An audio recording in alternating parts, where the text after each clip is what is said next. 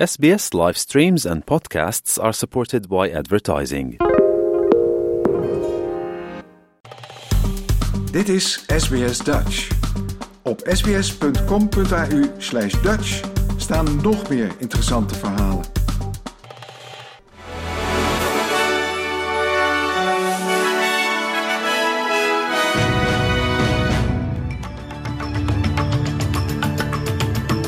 Dit is de SBS Nieuwsflits van woensdag 21 februari. Mijn naam is Paulien Roesink.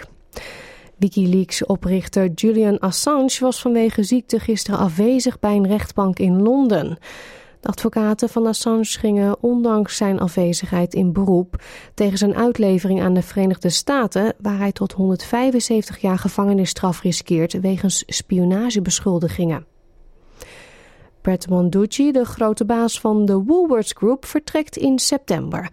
Hij zal worden vervangen door Amanda Bardwell, de huidige algemeen directeur van de e-commerce tak van de supermarktgroep. Monducci werkte 13 jaar bij de groep, waarvan 8,5 jaar als CEO. De familie van de Australische schrijver Yang Heng-Jung zegt dat hij niet in beroep gaat tegen de voorwaardelijke doodstraf die hem werd opgelegd door een Chinese rechtbank.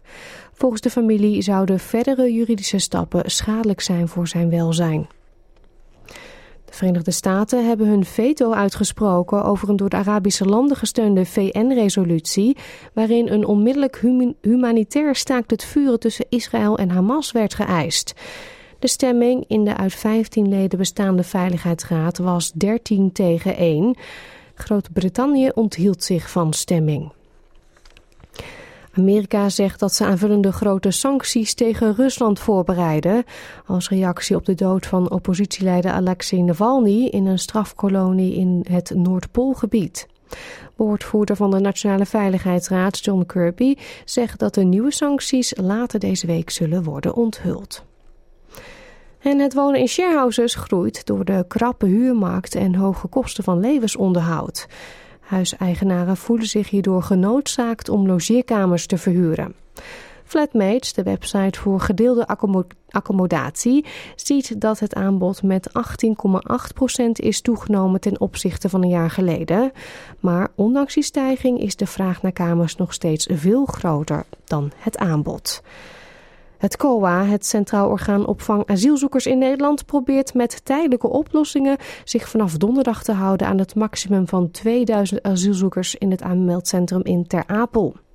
De gemeente Westerwolde, waar Ter Apel onder valt, had dat in een kort geding geëist omdat het aantal van 2000 al maanden met enkele honderden mensen wordt overschreden. De rechter gaf de gemeente gelijk. Een deel van de mensen wordt verplaatst naar de opvang in Biddinghuizen.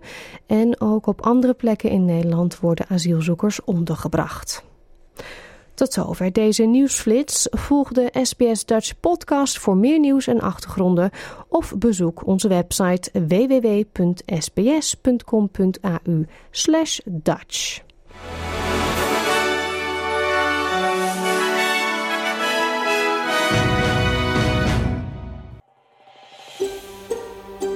Wil je nog meer soortgelijke verhalen?